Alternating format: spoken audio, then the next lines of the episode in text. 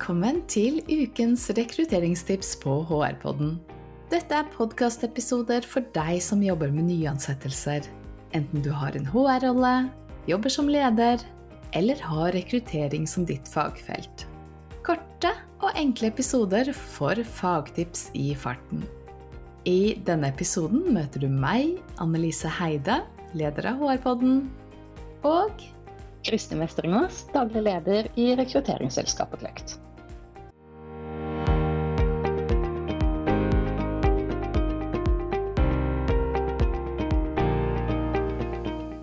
Du Annelise, vi har snakket litt om det viktige grunnarbeidet i flere episoder. Og særlig når vi snakket om feil og fallgruver og forsøkte å synliggjøre hvorfor ting går galt. Men nå er det vel på tide at vi deler litt om hvordan du kan gjøre dette. Så absolutt. Det må vi nesten gjøre. Fordi før du setter i gang med annonsering, screening, intervjuer, tester, arbeidsprøver og referanser, så må fundamentet være på plass. Og du er nødt til å vite hva du ser etter. Og det er jo en forutsetning for å velge rett kandidat. Det er den viktigste delen av jobben. Så Annelise, hvordan pleier du å gjøre dette? Ganske klassisk, tenker jeg. Um, sikkert likt det mange andre gjør. Jeg starter med en jobbanalyse og en kandidatprofil.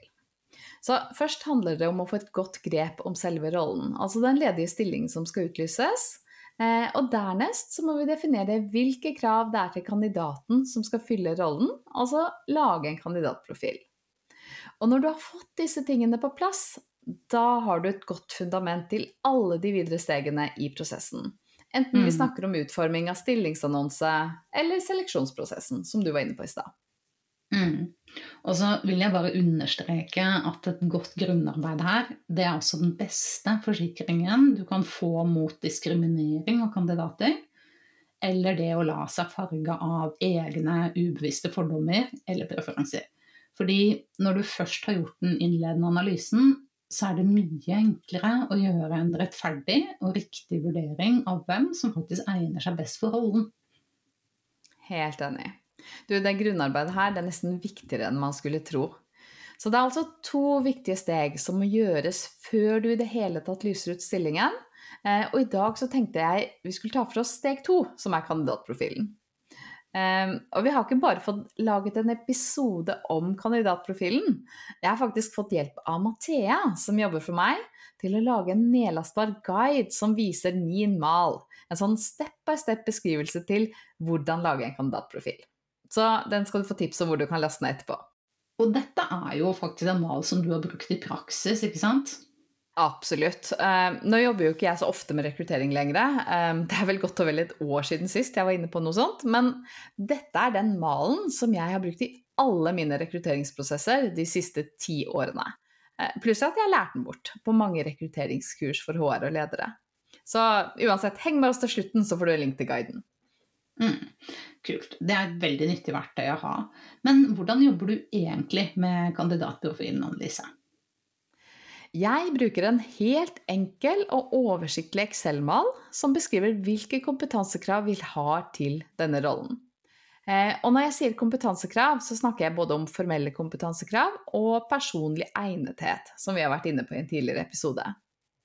Ja, du tenker på den episoden der vi snakket om Higher for attitude, train for skills? Yes, stemmer.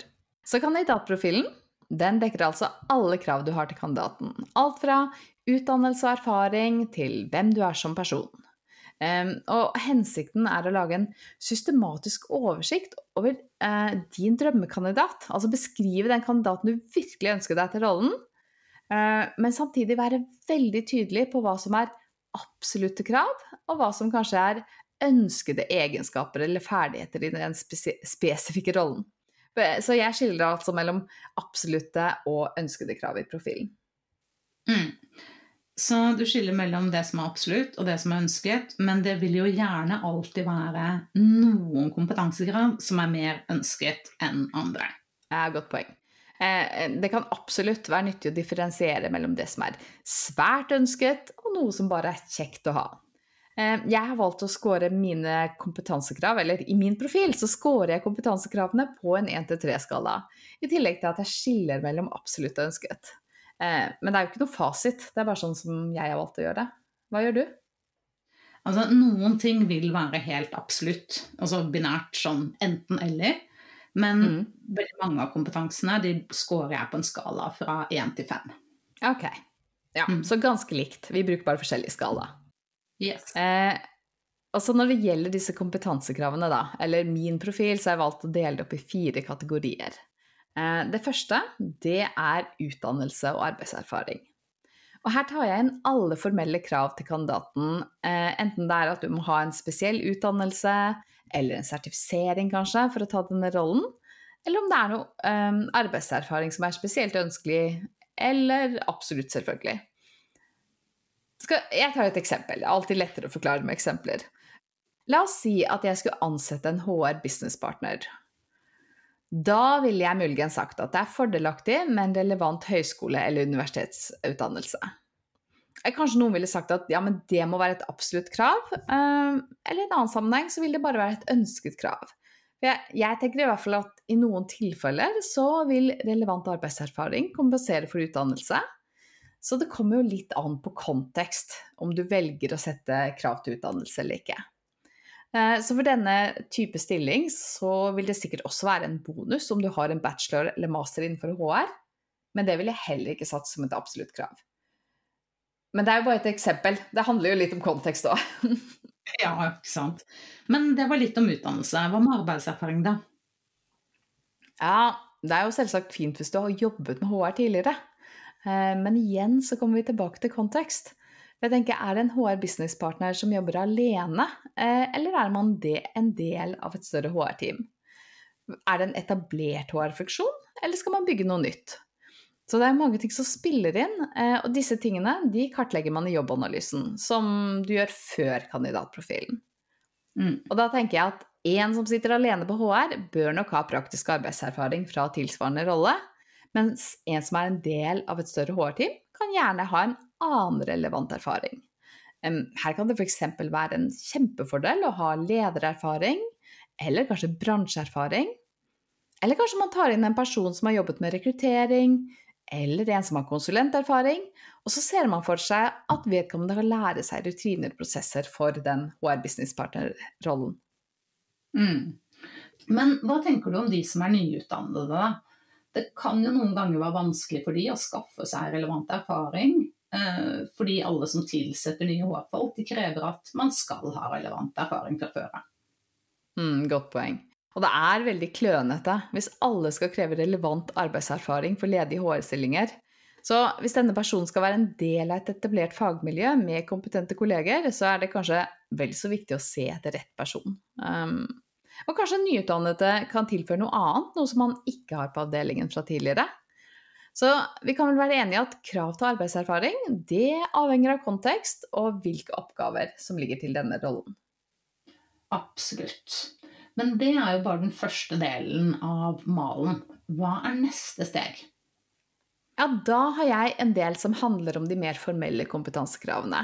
Altså, det kan være spesielle sertifiseringer eller systemkunnskap. Eh, det kan handle om skriftlig og muntlig formuleringsevne, en eller annen språkkompetanse eller lignende. Eh, her pleier jeg også å ta inn ting som god forretningsforståelse, gode analytiske evner, eller kanskje arbeidsrettslig kompetanse, hvis vi skal snakke om den HR business partner-stillingen. Mm. Eh, og, og, dette feltet, eller denne kategorien, det kaller jeg kunnskaper og ferdigheter. Eh, og det handler stort sett om tillært kompetanse. Altså noe som man har lært seg gjennom erfaring, kurs eller utdanning. Eh, noen ganger dokumentert gjennom en sertifisering, men trenger slett ikke være det. Mm. Velkjent. Jeg tenker litt på dette med systemkompetanse. Um, la oss si at du skulle rekruttere denne HR business-partneren. Hvor mye vekt vil du la lagt på om vedkommende kjenner de systemene og verktøyene som man bruker i virksomheten? Ja, mm. du, godt spørsmål.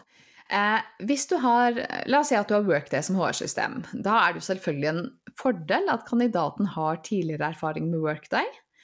men jeg syns ikke at det er spesielt viktig. Eh, det er kanskje enda viktigere at det er en kandidat som har lett for å lære seg eh, og sette seg inn i nye ting. Og det samme gjelder vel hvis du bruker en spesiell form for rekrutteringstester i virksomheten. Um, la oss si at man bruker Aon-tester f.eks., som, som jeg har brukt tidligere. Ja, det er mm. kjempekjekt om kandidaten allerede er sertifisert på disse Aon eller tidligere et Q-tester, om det er det du bruker. Men det er jo mye viktigere å finne rett person for rollen. Så jeg tenker at hvis du ansetter en toppkandidat som mangler sertifisering eller erfaring med de verktøyene dere bruker, så er det en liten investering som er enkelt å få på plass når den kandidaten har starta i rollen. Så jeg pleier å ta sånne ting inn i kandidatprofilen som ønsket kompetanse, men med ganske lav prioritet. Enig. Mm. Og, og, så kommer vi til det som virkelig er spennende, da. Og ofte helt avgjørende for velgerett kandidat. Det som handler om personlig egnethet. ok. Men personlig egnethet, det kan jo være nesten hva som helst. Hva legger du i det, Annelise? Mm, det kan være personlige egenskaper, verdier, holdninger osv. Altså finne en person som kan lykkes i, i rollen en eh, person job fit. Eh, og en person som passer inn i selskapet, eh, altså organization person fit. Uh, ble litt engelsk der, fant ikke noen gode norske ord på det. Uh, forgive me that one. uh, ok, Men det siste, den her organization person fit, det handler jo om å finne en person som passer inn i den kulturen som vi har i organisasjonen. Sånn at vedkommende vil trives i rollen og føle seg hjemme i selskapet. og så kan det handle om, om, personlige egenskaper, eller hvem du er som type. Um, finne noe som er proaktiv, fremoverlent har god gjennomføringsevne, noen som er god på samarbeid, er en humørspreder, hjelpsom Oi, det ble lange lister. noen som har lett for å lære seg nye ting. Um, listen kan jo gjøres uendelig. Uh, og den, her kommer kanskje det viktigste poenget. Ikke lag en evighetsliste med alt mellom himmel og jord som er kjekt å ha. Tenk godt igjennom hvilke egenskaper som er spesielt viktige i akkurat denne rollen, og i den organisasjonen. Men hva tenker du, Annelise? Bør det være knyttet til egenskaper som man kan måle i en personlighetstest, som f.eks. Big Five? Da vil det være litt enklere å teste kandidatene for å se om de matcher profilen. Mm. Ja, det er absolutt et poeng. Eh, og jeg vet jo at noen av de rekrutteringstestene som finnes på markedet, de tillater deg å lage en sånn ønskeprofil for rollen først. Som du kan sammenligne med en personlighets- eller en atferdstest, så du får se om kandidaten matcher. Eh, men det er egentlig ikke det jeg snakker om her når jeg er inne på kandidatprofil. For meg så handler det bare om å definere hva som er de viktigste egenskapene for å lykkes i rollen. Mm. Og det kan jo også være egenskaper fra personprofiler som f.eks. planmessighet, ekstroversjon, medmenneskelighet. Ikke sant? Ja, ja, absolutt. Jeg vil bare ikke begrense deg til egenskaper som man kan måle i tester, for det kan være andre ting du er opptatt av, og ting som er litt mer spesifikt enn det du får ut i disse personlighetstestene. Mm. Men det er uansett et poeng å finne ut om kandidaten matcher profilen eller ikke. Og da må vi jo finne ut det gjennom gode intervjuspørsmål, eller referanser, eller egen observasjon. Her er jo de kompetansebaserte intervjuspørsmålene faktisk geniale, men de rekker vi virkelig ikke å komme inn på i denne episoden. Nei, absolutt ikke. Eh, for vi må runde av. Vi har sagt det skal være short and sweet. Men la meg bare legge til at det er én kategori igjen. Det er rett og slett et felt som heter annet, eller andre forhold, eh, for krav eller ønsker som ikke passer inn i de tre første kategoriene. Og det kan handle om helt spesifikke ting, som krav til førerkort, eller at kanskje du trenger en kandidat som kan jobbe skift, eller en som er åpen for utstrakt reisevirksomhet. Um, og jeg bruker også ofte å legge inn motivasjon for rollen som et krav i kandidatprofilen. Eh, og det er kanskje litt unødvendig å skrive det inn i kandidatprofilen, for det er, det er så selvfølgelig. Men jeg liker liksom å ta inn alle de tingene som jeg ser etter, fordi at dette er mitt grunnlag for å planlegge seleksjonsprosessen. Alt det jeg skal gjøre etterpå. Eh, og det bygger på profilen. Mm. Ja, og det det du kaller motivasjon. Det går jeg veldig i dybden på også. Og det går jo både på hva kandidater må trives med, og hva som vil være meningsfullt og rett for dem. Og her er det jo mange som skal ansettes som snubler. Men um, Annelise, pleier du også å score kandidatene på alle kompetansekravene i profilen? Du, her må jeg være helt ærlig og si at jeg gjør ikke det før i finalerunden. Um, jeg vurderer alltid opp mot kandidatprofilen når jeg tar beslutninger i prosessen. Det er jo hele poenget. Uh, men jeg syns det er vanligvis ikke før jeg sitter igjen med kanskje to eller tre kandidater at det begynner å bli vanskelig å velge. Så, så da gjør jeg den scorejobben. Hva gjør du? Mm. Nei, jeg står også til slutt. Og det kan noen ganger være helt marginale forskjeller i finalerunden. Men de som ikke har blitt med til siste runde, de går gjerne ut fordi det er visse kompetanser som blir for svake, og det blir gjerne svært tydelig. Men Annelise, lager du alltid en kandidatprofil? Ja, jeg gjør faktisk det. Eh, jeg har nok moderert selve verktøyet litt gjennom årene. Men det kunne ikke falle meg inn å kjøre en rekrutteringsprosess uten å lage en kandidatprofil i dag, selv om jeg vet at det er mange som gjør det. Jeg syns det gir så mye verdi. ja. Og det kunne ikke falle meg inn å kjøre en rekrutteringsprosess uten en solid jobbanalyse. Eh, men det rakk vi ikke å snakke om i dagens episode. Nei, eh, helt enig. Det bør absolutt gjøres før man setter i gang med en kandidatprofil. Så dette er det viktige grunnarbeidet. Eh, ikke glipp på det, folkens. Og før jeg glemmer det, jeg lovet å dele min mal for deg som har lyst på litt inspirasjon til hvordan lage kandidatprofil. Eh, så hvis du vil ha noen tips til din neste rekrutteringsprosess, så finner du malen på leonda.no slash kandidatprofil.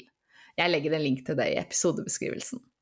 Eh, og så bare husk på at dette er jo ikke noe fasit. Det finnes sikkert mange måter å gjøre det på. Eh, dette er bare min måte.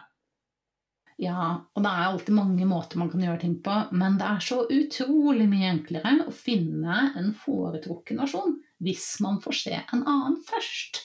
Så veldig bra. Så eh, vær så god, det var våre tips til kandidatprofilen. Lykke til med rekrutteringsarbeidet. Vi høres.